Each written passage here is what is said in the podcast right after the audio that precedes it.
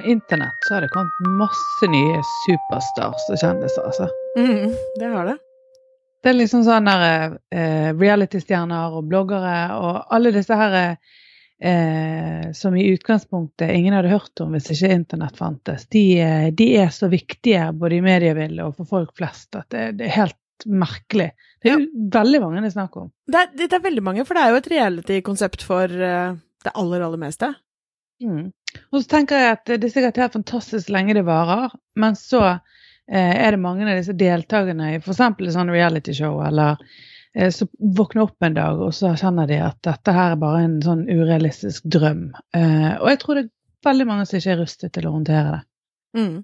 Og så har jo media en ganske skummel, eller uh, i hvert fall stor rolle oppi det her, og hvordan de håndterer det, og hvordan de dyrker frem egentlig noen av disse menneskene. Mm. Løsriver og herjer på, mm. men også ikke minst alle de trollene som sitter og har mistet alle grenser til hva de kan si til andre. Velkommen til Sosialt sett, en podkast om teknologi, kommunikasjon og liv imellom, med Heidi Sperre og Astrid Valen Utvik.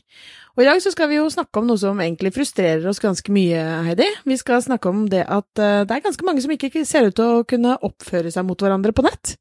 Mm. Ja, altså i denne uken så har vi lest eh, sitater som eh, håper moren og faren hennes ser dette og tar en senabort opp til vurdering. Mm. Eller fy flate så mye hjernedøde kvinnfolk som finnes, skam deg. Og wow, må hun ha hjelp å kle på seg òg? Det er jo grunn til bekymring. Eh, dette er ting som unger på barneskolen vet. Mm. Og akkurat denne saken vi snakker om her, det gjelder en av eh, deltakerne i serien Bloggerne som eh, hadde en ganske uheldig uttalelse om at hun ikke visste hvor lenge et svangerskap varte. Om det var mm. mer eller mindre enn et år. Noe som i seg sjøl selv selvfølgelig er ganske hårreisende, og du skulle tro at ei jente på 20 visste dette. Mm. Men det er et stykke fra å liksom riste på hodet og fnise litt og, og ja, bli litt sjokkert over eh, eh kunnskapsnivået til eh, en eller annen sånn tilfeldig blogger på, på, TV til å få seg til å skrive sånne sitater. Mm. Og, og, ikke minst medier, hvordan de liksom ja, ja, ja. Nå har jo du egentlig også De du leste opp, var jo ikke de verste. For på nei, nei. ingen som helst måte. Altså, det, det rant jo på med mange hundre kommentarer i Altså så mange forskjellige innlegg òg, fordi folk delte jo dette videre. Eh, og, og det var Altså, det var så ekstremt stygt, veldig mye av det som ble sagt der. Eh, som da selvfølgelig en 20-åring og hennes familie og venner leser. Mm. Og så er det sånn, det er, litt, det er et lite eh, men her. For hvis dette i utgangspunktet var en litt sånn eh, uvitende, troskyldig jente som eh, egentlig bare tabbet seg litt ut med å si dette her, og at alle rundt henne eh, blir veldig lei seg og såret av det, så er jo dette en veldig, veldig trist sak. Men så har vi òg sett eksempler på at det er en del som sier sånne ting med vilje, for det er en mm. strategi for å bygge opp et eller annet brand. Mm. Når de får disse her five minutes of fame. Mm så benytter de anledningen, sånn som Petter Pilgaard eller en del andre, til å komme med sånn ekstreme, enten mannssjåvinistiske uttalelser, mm. eller det er vulgære, eller det er sånn kunnskapsløse, litt sånn sjokkerende.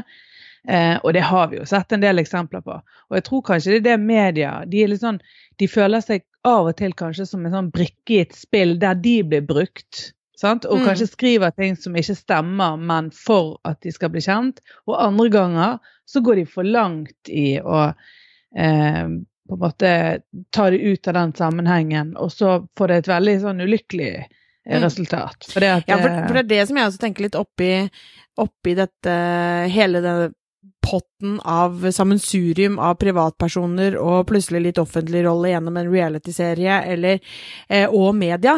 Eh, fordi sånn som det, eh, dette klippet med den, eh, den hun bloggeren som ikke visste hvor lenge man gikk gravid eh, det jo, var jo en episode, selvfølgelig, på bloggerne på TV.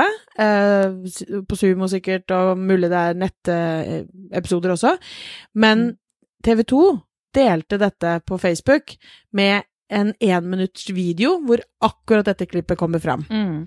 Eh, på samme måte som de delte at hun også uttalte noe med at de hadde vært i New York og sett to menn gå og trille på hver sin barnevogn, og at hun liksom bare Ja. eh, kom med en flåste kommentar i forhold til det. Eh, og, og, så det er ikke, jeg er ikke i tvil om hva TV 2 ønsker å oppnå med det klippet der. Eh, de tenker ikke på hennes ve og vel, eller eh, og, eh, at altså Tenk om noen kommer til å si noe stygt. De vet at folk kommer til å si noe stygt. Eh, Mm. Og samme gjør de også med politikere, eller med ikke sant? De plukker ut akkurat den mest eh, kommersie uttalelsen som de vet de får masse respons på. Og, Mm. og så kan vi si at ok, men er det så gærent da? For de har jo tross alt sagt det. det er, er det ikke det som er en del av den underholdningsdelen av at f.eks. denne bloggeren er med på bloggerne? Um, og det, det kan man jo for så vidt si, men når det gjøres så ekstremt, altså når de vet hva, hva som kommer til å komme i kommentarfeltet på Facebook uh, I det minste har de vel kanskje et redaktøransvar med å redigere noen av de uttalelsene som kommer der, tenker jeg. Mm. Ja, og så tenker jeg at det, det som er litt utfordringen, det er jo akkurat sånn Hvem er det som har det etiske ansvaret i forhold til oppfølgingen? For det at i realityshow, der de er f.eks.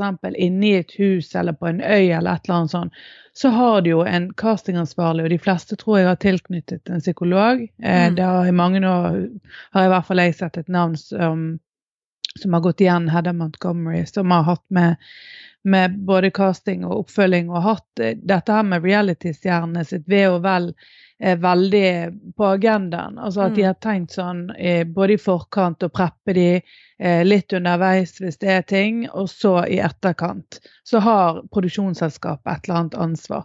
Men så har du f.eks. sånn som bloggerne eller noen andre eh, programmer som er sånn litt reality, men samtidig så er det kanskje ikke akkurat den samme rammen rundt. Jeg vet Mm. egentlig ikke helt hvordan Mm. akkurat det programmet er bygget opp.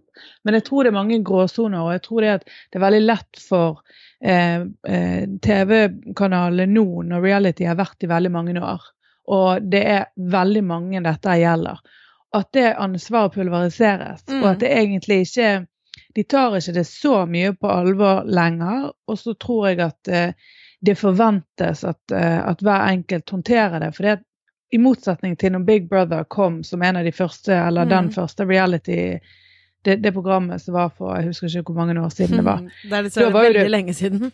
Ja, det er veldig, veldig lenge siden. Og da var jo det veldig fokus på at det var Mm. nesten som et eksperiment. Sant? Mm. Et psykologisk eksperiment. Og, og alle vi som syntes det var gøy å se på, vi kunne kalle det for et sosialantropologisk studie, Mm. omtrent på alvor. For det, at, det er jo veldig interessant. Det er veldig interessant å se hvordan mennesker er pressete og andre situasjoner enn sitt vanlige habitat, Mm. som vi sier i, i sosiologien. Så, så er det noe med at Eh, nå er det så vanlig at det er ikke lenger et eksperiment. Det er ikke lenger eh, eh, noe nytt, eller det er ikke noe som vi syns er spesielt eh, spennende. Nå er det bare underholdningsverdien som står igjen. Mm. Og når den står igjen, så begynner på en måte den empatien å svinne litt hen, Mm. og, og den der følelsen av at eh, vi, vi ser på noe unikt og må ta hensyn til det de opplever, at det er veldig spesielt. Det er blitt hverdagslig. Mm. Så jeg, tror det har mye med, med den vanen for oss nå. Altså Vi pusher grensene, og også for produksjonsselskapene. At for de òg, de behandler det på en annen måte. Ja, det syns jeg nesten er eh, Altså, det ser man jo nesten. Eh, og det er, er jo, eh, som du sier, når det er én ting er på en øde øy, og alt er tatt ut av kontekst, holdt jeg på å si, eller alt Det er flytta hele opplegget ett sted. Mens dette her, sånn som bloggerne, for eksempel, da er de jo hjemme i sitt eget hjem, Ja. eh, sitt, sitt vanlige liv. De filmer jo uendelig mye mer enn det som kommer på TV, selvfølgelig. Og så klipper og plukker og, og lager det for å gi oss seerne mest mulig eh, underholdningsverdi. Og et annet eksempel derfra var jo hun eh, mammaen til Michelle, hun som har den bloggen, som, eh, som også har hatt en sånn i media nå i det siste, hvor hun da hva var det hun hadde sikra barna sine feil i bilen, eh, og fikk ekstreme mengder med, med liksom veldig kritisk Du er ræva mor, og du uh, burde aldri hatt barn, og uh, veldig, veldig, veldig mye negativt, da. Og det er for så vidt altså, altså et innspill for å si at unnskyld, du sikrer ikke barnet ditt bra nok, du burde gjøre det sånn her, én ting, men, men når det går over til en sånn Altså en sånn, en, en sånn måte å kommunisere på Mm. som er så eh, Altså, de menneskene som de sitter i andre enden av, vi, vi forholder oss ikke til dem. Eller de menneskene som svarer sånn på Facebook eller skriver i kommentarfelt på blogg. Det er akkurat som de ikke er mennesker lenger. Mm. Eh, og sikkert litt sånn som eh, altså kjendiser har hatt det i alle år, da. Eh, eh, liksom verste case med Princess Di i eh, eh, liksom henne, Hvordan media håndterte henne, og paparazzoer har løpt etter kjendiser i alle år. Eh, så er det på en måte Vi har gjort de til at de er ikke mennesker lenger. De kjendisene de har kanskje hatt en sånn naturlig tilvenning til den rollen de har. Enten om de er Mm. politikere som har blitt mer og mer og mer synlige, eller det er en musikkartist som har blitt eh, liksom gått fra å bli oppdaga til å bli mer og mer og mer, og mer større, eller større og større kjendis. Så, så er det en tilvenningsfase der. Mens mm. mange av disse reality-deltakerne re- reality-deltakerne er mer sånn fra den ene dagen til den andre, så er det plutselig Mm. bong. Så er du stor kjendis, mange ser på deg, mange vet hvem du er, de følger deg med argusøyne. Eh, store bloggere som kanskje ikke er på TV eller andre ting. Karoline Berg Eriksen, fotballfruebloggen. Hvor mye eh, dritt hun har fått i kommentarfeltet sitt, basert Mm. på hvordan hun eh, har det hjemme hos seg, eller oppfører seg med barna sine, eller hva hun velger å spise. Og jeg sier ikke at de, det bare er positivt den ene veien, eller at man, eh, de ikke fortjener noe kritikk, for det, de er, tar jo en offentlig rolle. Mm. Eh, men, eh, men det er en balansegang der. Ja, men jeg, apropos det der med å ta en offentlig rolle. Jeg syns jo det at folk går jo lenger og lenger for tiden òg. Altså det som vi Mm. kalte for sosialpornografi tidligere, det er jo egentlig det, var jo, altså det er jo ingenting i forhold til det som er nå. Eh, igjen eksempelet med blogger, så ser du at eh, eh, Jeg så eh, Jeg tror det var det som gikk i For et par dager siden, så var det en av disse deltakerne, jeg trenger ikke å si hvem, men eh, som eh, holdt på å styre med et eller annet forhold. Altså hun var singel og holdt på å styre med et eller annet forhold, og hadde tenkt å gjøre det slutt. Og så eh, klipper kameraet til en annen av bloggerne. Kommer vi tilbake til henne, så ligger hun i sengen da, hjemme hos denne som hun har tenkt å gjøre det slutt med, og forteller alle mulige slags egentlig altfor intime ting. Der jeg bare Mm. tenker nei, men dette er ikke noe dette er ikke noe ok å se på. Det er heller ingenting vi trenger å se, og det hadde ikke vært nødvendig å, å gjøre det på den måten. Men de pusher grensene, og når de gjør det, så tror jeg distansen til folk Mm. flest blir større. Og da er det akkurat som det legitimerer på en måte grunnen til å kritisere. Og Mm. da blir den kritikken ofte ikke eh, av den saklige typen sånn Det hadde vært fint hvis du kunne eh, se denne filmen om, om eh, sikring av barn i bil, Mm. eller eh, kanskje du burde tenkt gjennom hvordan du fremstilte bla. Da blir det sånn din jævla hore Mm. og du din Altså, det blir jo så stygt, og det Mm. blir for Folk kjenner seg ikke igjen til slutt. Sant? Og, og det blir det blir veldig eh, Ja, det blir løsrevet. Og, og jeg tror som sagt det at det er veldig mange av disse kjendisene, denne typen kjendiser, som kjenner veldig på at de må levere noe Mm. som ikke har vært levert før. De må gjøre noe som ingen har sett før. De må på en måte gå Mm. det der lille ekstra hakket i, i forhold til sånn sensasjonspreg for Mm. å få den oppmerksomheten. Derav mange av disse her forferdelige uttalelsene eh, og, og sånne her eh, merkelige Litt sånn der lotepuseffekten. Ja. Altså, så blir det en sånn antihelt som alle elsker. Mm. Eh, av mange grunner. For han har jo altså, Der merker du at det er, det er mange lag, og at det, det, er mye, det er mye fint. Men samtidig så det er, Vi har veldig sånn svart-hvitt. Mm. Eh, han kunne like godt blitt, eh, hvis det var gått feil i, i starten, så kunne det like godt gått helt andre veien og blitt en sånn som ble hatet. Mm. Eh, Og det har det jo vært. Det har jo vært noen sånne som har kommet med masse sånne mannssjåvinistiske kommentarer som har fått masse pepper. Eh, fordi at de har det og eh, ut, uh, utenfor liksom reality-settingen i ettertid også. Men så er det jo også disse her Disse menneskene, da. Altså eh, det at de er Det at de sier det de sier, ikke sant. Jeg tror nok absolutt at det er mange av de som er eh, litt sånn sensasjonspreget i seg selv. De vil ha størst mulig blogg. De vil De vet at hvis de skriver en litt tabloid overskrift, eller eh, gjør ting litt på kanten, så kommer det til å bli debatt. Og litt sånn av den derre all PR er god PR-tankegangen. Så liksom, ja ok, klikk er det vi eh, lever av, og, eh, og får betalt annonser på bloggen vår for, så, så ikke sant, vi må pushe grensene litt.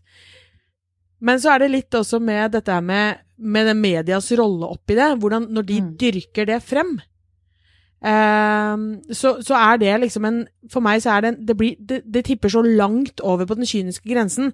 En ting er at Mm. TV 2 viser det klippet med eh, denne bloggeren, jeg husker jo dessverre ikke navnet hennes da, men hennes eh, uttalelser som en episode. Men når de dyrker det så grassat med å liksom vise en ett ettminuttsvideo video hvor det er Mm. bare den uttalelsen, da er de bare ute på å få da, da vil de ha mest mulig klikk og eh, engasjement på sin egen Facebook-side. Det er det Mm. eneste de vil ha på en måte rundt eh, grunnen til at de gjør det, da. Ja, nei, men jeg tror akkurat det er det som er faren. At, eh, at mediet ser på hver enkelt av disse her eh, sakene og uttalelsene som en sånn isolert mulighet til klikk Mm. og, og til en, en ny stor sak.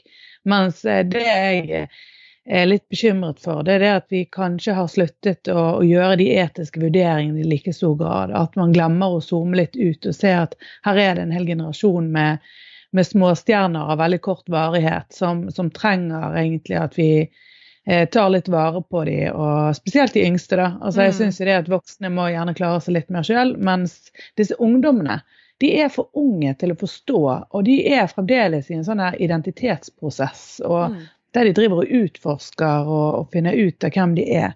Og, og der tenker jeg vi har et særskilt ansvar for akkurat den gruppen. Ja, jeg er helt enig. Men jeg tenker også litt sånn Altså, du er jo sosionom og har liksom mer eh, kunnskap til menneskesinnet enn det jeg eh, kanskje har. Men for det her Det stopper jo på en måte ikke egentlig med disse unge heller, eller reality-stjerner for den saks skyld. Eh, vi Det er jo på en måte Altså disse alle som egentlig er på TV og stikker seg fram og er, eh, er synlige, da. De, de, det er liksom Det er sånn opplest og vedtatt sak om at ja, men gjør du det, så må du forvente å få mye dritt. Mm. Eh, vi hørte vel Ja, det var vel på Tusvik og Tønnes i podkast hvor eh, Sigrid Bonde Tusvik snakka om at Else Kåss- Furuseth hadde fått så mye drit dagen etter Mm. liksom, lanseringen av Mandagsklubben, om, som gikk på liksom, ja, hvor tjukk hun var, og hvor stygg hun var, og hvor eh, eh, ikke sant, Alt var kjempefeil. Og det, det, Mm. det har liksom bare folk rett til å fortelle det mennesket. Mm. Eh, og det er det liksom er litt sånn Det er helt ekstremt, selvfølgelig, med f.eks. disse bloggerne eller reality-stjerner som Sånn som du sier, altså Paradise-gjengen. altså alt dette er som vi kanskje putter i en sånn trash-TV-bås. Mm. Men hvor man eh, på et eller annet vis føler man har lov til, fordi det er så tøysete. Det er så Mm. satt på spissen og så ekstremt at liksom Jo, men herregud, vet du ikke hvor lenge et svangerskap er, så har du Da har jeg rett til å fortelle deg hvor tjukk i huet du Mm. er, liksom. Eh, men fra det, da, som er det mest ekstreme, til helt sånn at man har lov Altså, man, hva, hva skjer oppi hodene på folk når de tenker at Ok, jeg syns dette mennesket her er eh, et takras, liksom, og det har jeg Mm. all rett til å bruke mitt eget profilbilde, mitt eget navn. Alle kan se hva jeg skriver, men jeg har, liksom, det er min oppgave å fortelle andre mennesker. Mm. Ja, for jeg trodde jo det at etter at avisene begynte å bruke Facebook-innlogging som eh, en forutsetning for å kunne kommentere under, at det ble litt, litt sånn renere og litt Ja. mer eh, penere kommentarfelt. Men det er overhodet ikke det. Altså, det er jo så utrolig stygt, og folk med fullt navn og bilde og åpne profiler der du kan gå inn og se både hvor de jobber og Mm. barnebarn og jeg vet ikke hva. Det, er akkurat så, Der òg har vi kjøvet på noen grenser. Ja. Altså Den offentlige sfæren, på en måte, den er så eh, den er så annerledes, og, vi er så lite, eller mye mindre opptatt av å Jeg vet ikke, det er litt liksom oss, gamle Ja, og så sånn vanlig anstendighet og Ja, høflighet. eh, som vi Ja, sant, som vi har snakket om litt før. Det er det er fremdeles en sånn der eh, etterlysning eh, som vi kanskje burde tatt opp etter noen trestolper, og, og i, tillegg til, i tillegg til digitalt. Altså. For det, det er akkurat så Det er litt sånn på avveie, rett Ja, men, og men, slett. men altså, er det, skal vi bare akseptere det? Er det bare sånn, sånn har det bare blitt? Det har blitt så mye innhold der ute. Det har blitt så mange, mange forskjellige kjendiser og stjerner og eh, offentlige personer. Eh, hver og en har fått sin stemme, og det, da er dette på en måte baksiden av medaljen? Eller kan vi jeg får, jeg får sånn seriøst behov for å fikse det. Altså, for, jeg får Ja. lyst til å gå hjem til folk og bare si sånn det, Vet du hva? Og det verste er at jeg tror, inn, langt inni hjerterota mi, så tror jeg på det. Jeg tror at hvis jeg har møtt disse menneskene og sagt sånn Du, dette, nå har du denne kommentaren om at du mener at dette mennesket bør voldtas herfra til evigheten, eller eh, burde blitt eh, abortert bort, liksom, fordi at hun har sagt dette her på TV. Hva, hva tenker du egentlig om det? Så, altså, jeg, jeg er sikker på at uh, omtrent 90% i hvert fall hadde bare sagt sånn Nei, det mente du ikke så bokstavelig, da. Men tenker du egentlig at vi skal mobilisere en sånn dør-til-dør-aksjon? Ja, jeg lurer på det. ja. ja, nei, men altså, jeg husker jo òg at Sofie Elise eh, Isaksen, bloggeren, hun, eh, hun sto jo frem og, og skrev både innlegg og, og fikk eh, eh, Jeg vet ikke om det var kronikker eller om det var medieomtale, jeg husker jeg ikke i farten. Men der hun sa det at hun nå fikk så ekstremt mange stygge kommentarer som gikk på utseende og på helt eh, irrelevante ting til det hun skrev. Eh, noen ganger sånn halvrelevant i forhold til innhold, andre ganger helt eh, eh, absolutt eh, på kanten og langt utenfor. Og at hun hadde søkt opp en del av disse her på navn, og så hadde hun skrevet eh, meldinger til foreldrene. For det viser jo Ja. seg at veldig mange av disse er jo ganske ureflekterte ungdommer. Ja. Sant? Her sitter det guttunger som har et ganske tøft språk sammen med kompisene sine, Mm. og som glemmer seg litt, kanskje, og tenker at dette er ikke mennesker, dette er Mm. karakterer. Det blir nesten som sånn tegnefilmkarakterer som, som spiller ut livet sitt. Jeg tror den distansen er ganske heftig. og at Mm. Når de først får noen som enten sitter foran dem, eller noen som svarer dem på en litt OK måte, eh, sier at eh, du, vet du hva, det er faktisk et menneske der som er Mm. akkurat som din søster eller din mor, eller som Mm. sant? Et eller annet. Det er bare en sånn reality check som skulle vært helt unødvendig, men som allikevel, tror jeg, må også, som vi har snakket om før, Sånne ting må inn i skoleverket. Ja. Mm. Foreldrene må være mye be mer bevisst om hva ungdommene og ungene faktisk gjør på hvordan de snakker, hvordan mobbing eh, både av kjente og av ukjente folk, hvordan det kan skje, hvordan de Mm. i gruppe eh, utvikler seg. Altså Det er noen sånn massesuggerende effekter her, for det, de ser at voksne folk gjør det, så hvorfor kan ikke vi gjøre det? Ja, for det er akkurat det. Det er Altså- ikke bare unge som gjør det. ikke sant? Det er jo nei, mange av de som er eh, liksom 40-50-60 år, som sitter og Mm. lirer av seg de styggeste tingene. Altså, jeg har Mm. sett mine foreldre skrive sånn på Facebook. Altså, jeg, jeg, jeg får sånn seriøst behov for å filleriste de. Mm. Eh, og det, det er liksom ja, jeg, jeg syns det, det er så stort problem. Er, folk har jo slutta å lese kommentarfelt. Og én ting har vært disse trollene. Det har man jo hørt om. Man har jo sett disse eh, TV-programmene hvor de liksom nettroll og jager de og møter de og snakker med de og ordner opp og sånn, hvor det er sånne voldsomme ting. Men det er jo sånn som du sier med sånn massesuggesjon. Det er jo akkurat som at hvis det er én som skriver i et kommentarfelt at eh, eh, denne bloggeren burde sånn og sånn, eller eh, den Paradise-hotellen er så tett i nedpå at eh, sånn og sånn, så bare kaster folk seg på, liksom. Og så er det helt greit. Og det var jo sånn på Farmen nå, han eh, Tore, som da har fått fi, mellom 400 og 800 drapstrusler i døgnet. Helt forferdelig. Altså, det, det, det er bare så det, Ja. Det, jeg har Mm. ikke ord. Men nei, ikke jeg heller. Og så syns jeg det er så rart. Av og til så tenker jeg gud så enkel vi er. For eksempel Ja. sånn som Petter Pilgaard også i Farmen, da. Som alle hatet tidligere når han var i Paradise Hotel. Altså hatet i Mm. gåseøynene, jeg vet ikke hva de gjorde. Men altså, han har i hvert fall fått ganske mye negativ omtale. Og så er de kjempeoverrasket nå fordi at han ikke er endimensjonal. Han er jo den samme som han alltid har vært, helt sikkert. Altså, han Mm. har jo som alle andre positive og negative sider, og han er en annen når han er på byen med gutter enn det han er med sin Mm. bestemor eller en eller annen. Og det undrer meg veldig. At det er akkurat som vi glemmer at alle mennesker er er flerdimensjonale, og Mm. alle har forskjellige egenskaper. Mens i reality-verden så er det klart det at vi, de reduseres til noen få egenskaper, Mm. i tillegg til at de driver og klipper. Mm. Og så blir det egentlig eh, sånne karikaturer av noen Mm. mennesker. Og så sluker folk det rått, og så tror de at de er sånn. Mm. Og så blir de overrasket da, denne gangen eh, eh, Petter Pilgaards tilfelle, i positiv forstand, Mm. fordi at han plutselig så er han litt sympatisk likevel. Og Ja, så kommer foreldrene og sier Ja, men ikke sant, mens Tore har vært med kanskje på sofa på NRK ikke sant, og hatt en Mm. veldig sånn sympatisk hyggelig greie der, og så kommer han i Farmen, og så får han en annen rolle der, og så er det Mm. liksom da Da får han masse tyn, i motsatt rekkefølge av Petter Pilgaard, ikke sant. Altså, det er jo, ja, at folk ikke skjønner at eh, de klippes inn Det er det jo mange sånne typer reality-stjerner som har sagt i ettertid også. At de eh, Ja, jeg følte at jeg ble klippet til den og den rollen. I, mm. eh, om det er på liksom Hele Norge baker, eller eh, hva mm. nå enn, liksom, av disse reality-greiene, da. Mm. Men det er eh, Ja, jeg, jeg, jeg føler vi må fikse det. mm. Ja, men det, så igjen så må jeg komme med den der eh, lille sånn motvekten. For du har jo òg de som ønsker så sterkt å bruke reality-formatet og blogging og alle mulige slags andre sånne kanaler for å bli kjendiser. Noen mm. har et mm. ekstremt ønske om å bli kjendiser. Mm. Og sånn som f.eks. Jarl Goli i Farmen. Eh, han var jo altså han har jo ikke misforstått eh, konseptet, men han har han har gjort en feilvurdering, tør jeg påstå, når han tenker at ok, dette her er et ledd i et sånn comeback-forsøk. da. Eh, alle kjenner til han fra Portveien 2 og sånn.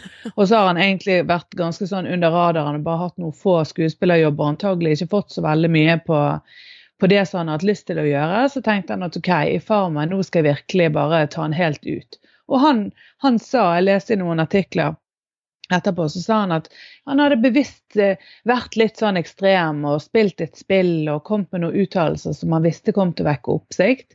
Ja. Og han fremsto jo som en ravende gal psykopat. Og, det var litt sånn. Eh, og så kanskje han syntes det var litt morsomt der og da. Og til og med når avisene begynte å dekke parallelt når, når serien gikk, så skjønte han ikke at nå, må, nå, er det på tide å justere det bildet, eller nå må du begynne å fortelle at det var en plan, eller noe sånt. Da fortsatte han sånn. Nei da, jeg tapte med vilje. Nei, forresten, jeg gjorde ikke det. Jo, det gjorde jeg. Nei, jeg gjorde ikke det. og så ble, det, så ble, det, utrolig vanskelig, og noe han ikke klarte å vikle seg ut av. Ja. Og nå etterpå, nå når det har gått litt tid, så har jo han fått alle disse tilbakemeldingene. Han virker helt sjokkert over at han nå eh, i, i, folkedypet fremstår som en psykopat. Ja. Eh, og, og, han er jo sikkert ikke det, men han har misforstått, og kanskje han burde fått, selv om han er voksen, ja. og selv om han burde visst bedre, Kanskje han burde fått litt veiledning, han òg. Ja, jeg tror det er mange som kan gå i baret på akkurat det der. At de har så lyst til et eller annet å bruke den muligheten til noe, mm. og så blir det bare helt feil.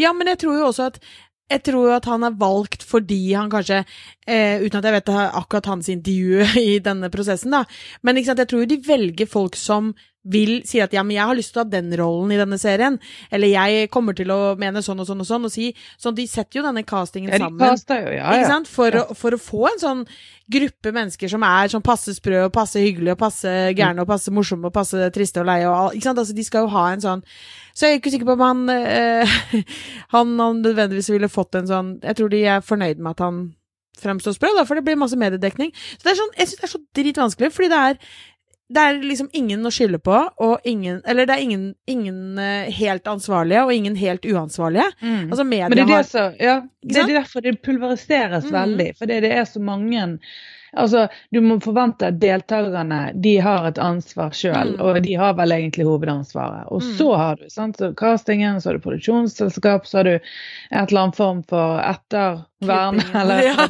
ja. sånn, Alle reality-stjerner skal inn i et sånn ettervern, hvor de da skal En overgangsbolig. Ja, hvor de skal ut i samfunnet igjen. ja. Tilsynsførere og ja ja, hele ja. greia. Men du Heidi, jeg tror eh, vi kommer jo ikke til noe vi, vi, får gruble litt på hva denne, hvordan vi skal klare å fikse opp i dette problemet i samfunnet vårt. Mm. Og hvis vi får til det, så kan vi sikkert bekjempe ja, da blir vi gjort stas på, tror jeg. For det kommer. Ja, og så tror jeg det å tenke at dette er sånn folk som lever i en sånn akvariebolle. Eh, eh, for det, det, tror jeg det er mange som tenker. At det, nei, det er ikke det. Det er jo helt mm. vanlige mennesker i en litt uvanlig setting. sant? Mm. Eh, så ja. ja. Ja, vi, vi, må gruble litt, og så kan vi komme med fasiten i en senere episode om hvordan vi skal bli kvitt dette her. Hvordan vi skal få folk til å oppføre seg ordentlig. Men mm. du, vi kan vi ikke gå over til vår nye lille kule spalte? Mm, det kan vi gjøre. Nå har vi tenkt å begynne å eh, fortelle om vår én favoritt hver uke.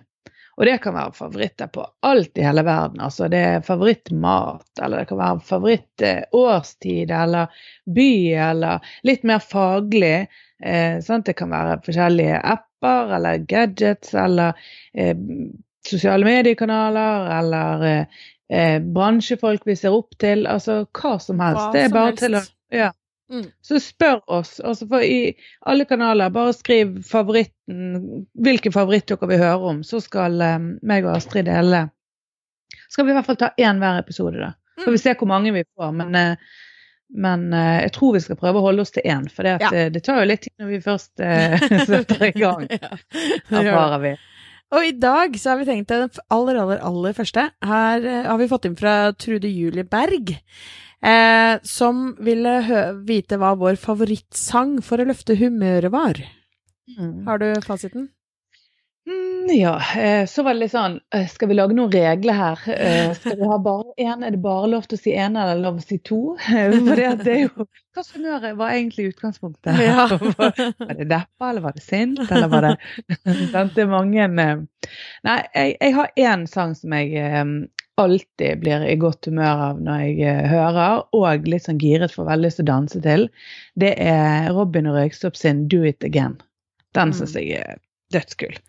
Eh, og så har jeg én sånn pick me up-sang, som er hvis jeg f.eks. Eh, er ute og um, trener eller gjør et eller annet der jeg kjenner at jeg må ha noe sånn skikkelig boost-energi, da er det Prodigy med Firestarter. For den Ja, er litt sånn, helt konge. litt sånn voldsom. Ja. Og, ja.